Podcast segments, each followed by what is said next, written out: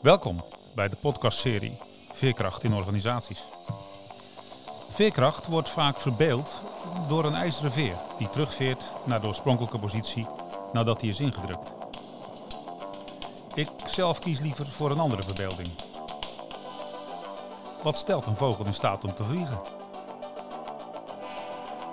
Waarmee bedekt een vogel het nest waarin de kuikens opgroeien?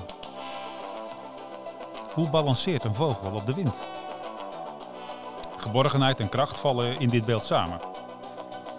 Misschien kan veerkracht in organisaties bijdragen om de tegenstellingen te verenigen en meer in balans te komen. In deze podcastserie deel ik verhalen die je daarbij, naar ik hoop, kunnen inspireren. Vandaag, in deze eerste podcast, ga ik het met je hebben over veerkracht in projecten.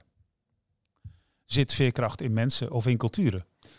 Is veerkracht een genetische eigenschap of een ontwikkelbaar vermogen? Wat is veerkracht? Wat levert veerkracht op? En hoe kan veerkracht in projecten worden vergroot? Een introductie.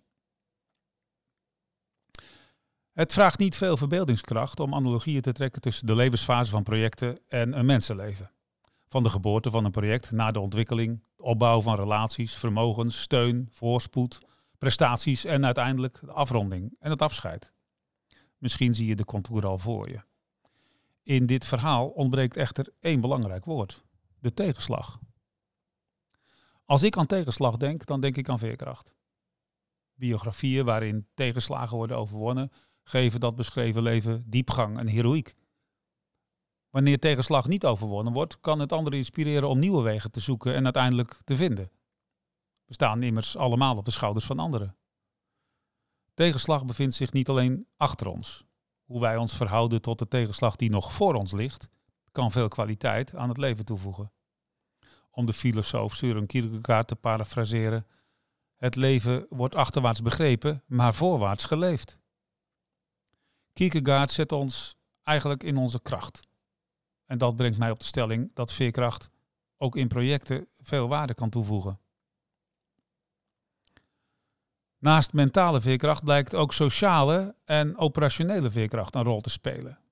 In het kunnen verwerken van en verder gaan na tegenslag. Norman Garmesi was een Amerikaans ontwikkelingspsycholoog en muntte in de jaren 70 van de vorige eeuw het begrip resilience. Hij zag hoe jongeren uit een sociaal-economische achterstandspositie niet zelden verder kwamen in het leven dan jongeren met een betere uitgangspositie. En met hem begint een academische onderzoekslijn die eind vorige eeuw publicaties laat zien dat veerkrachtige mensen zo'n zeven jaar langer leven, gezonder en gelukkiger zijn. Deze inmiddels overigens ook wel bekritiseerde buitengewone resultaten wekken in veel disciplines de belangstelling voor resilience.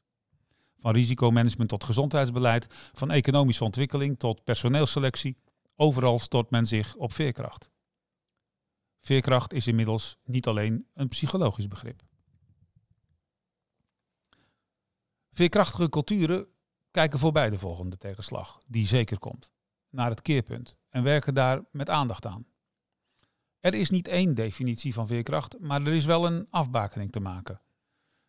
De basis daarvoor ligt in drie begrippen, die volgens Diana Coutu altijd met veerkracht verbonden zijn.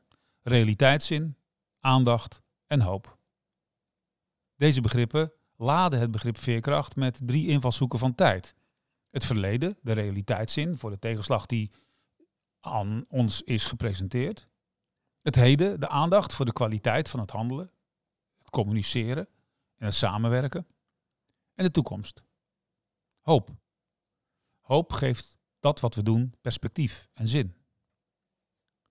Mensen en ook teams en organisaties dragen deze drie typesbegrippen in zich mee. De toekomst is net zoals het verleden een actief onderdeel van onze beleving. In het volgende wat paradoxale antwoord op de vraag hoe die zeven jaar concentratiekamp heeft overleefd, antwoordt James Stockdale, een Amerikaans admiraal tijdens de Korea-oorlog. Je moet optimisme loslaten, maar je mag je hoop nooit verliezen.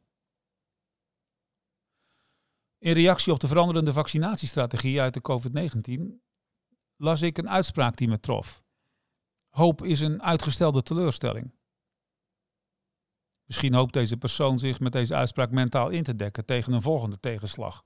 Maar dat is een illusie. In werkelijkheid is hij zijn hoop verloren en heeft hij minder kans op een gelukkig leven. Je kunt een volgende tegenslag niet voorkomen. Je kunt wel steeds leren van de tegenslag en de strategie aanpassen. Mijn definitie van veerkracht is de toegewijde vasthoudendheid aan het mogelijk maken van een keerpunt. Waarom is veerkracht voor projecten zo van belang?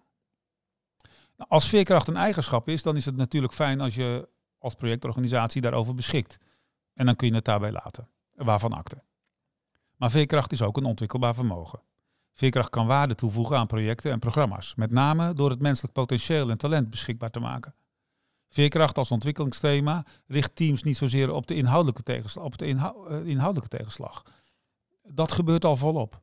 Veerkracht richt de aandacht op het probleemoplossend vermogen van het team. Dat vermogen heeft grenzen, maar die zijn tijdelijk. Door het reflecterend vermogen, de strategie, de harmonie in de cultuur en het verbindend vermogen in de structuur te versterken, kan dit probleemoplossend vermogen worden vergroot. Maar hoe doe je dat dan? Coaching, teamcoaching, organisatieontwikkeling, organisatieonderzoek, serious games. Dat zijn allemaal mogelijkheden om die vermogens te vergroten en eraan te werken. En wat past dan in jouw situatie? Wat past in jullie situatie? Probeer je project eens te zien als een gelaagde werkelijkheid, waarin de projectresultaten het topje van de spreekwoordelijke ijsberg vormen. Onder de dagelijkse indicatoren en doelstellingen en problemen bevindt zich het perspectief van de samenhang op input, throughput, output en outcome. Op het verleden, het heden en de toekomst. Managementboeken bieden integrale aanpakken om die waardecreatie te vergroten. Daaronder bevindt zich een laag die dieper doorboort in de fundamentele vragen stelt, andere intenties betrekt. Wat nemen we in evaluaties mee en wat niet? Welke waarden laten we daarmee wellicht onderbelicht? Filosofen laten ons daarnaar zoeken. In de onderste laag bevinden zich de verhalen, de frames. Dat zijn de metaforen waarmee we de projectdoelen meer beïnvloeden dan met al het andere. Deze metaforen kunnen veerkracht belemmeren. Denk aan het stigmatiserende mensbeeld dat uit een kinderbijslagaffaire naar voren komt. Hoe implementeer je nieuwe verhalen die veerkracht versterken? Voor de projectprofessional biedt veerkracht als ontwikkelingsthema nieuwe mogelijkheden om waarde te creëren binnen en met het projectteam. Zie het als een matrushka, de elkaar omsluitende Russische poppetjes. Veerkrachtige mensen ingebed in veerkrachtige projectteams. Veerkrachtige projectteams ingebed in een veerkrachtige ontwikkelstrategie. Veerkracht geeft je aanvullende inzichten en handvatten om vanuit menselijk handelen te werken aan gedragsverandering. Om zo de tegenslag, die ongetwijfeld ook op jullie pad komt, met alle aanwezige talenten tegemoet te treden. Dankjewel voor je belangstelling voor deze eerste podcast. En bedank ook aan IPMA voor het mogelijk maken van de productie. Heb je meer belangstelling voor veerkracht in organisaties? Kijk dan eens naar de mogelijkheden op www.veerkrachtcollege.nl. Of meld je aan als lid bij de LinkedIn groep Veerkracht in Organisaties. Tot een volgende podcast.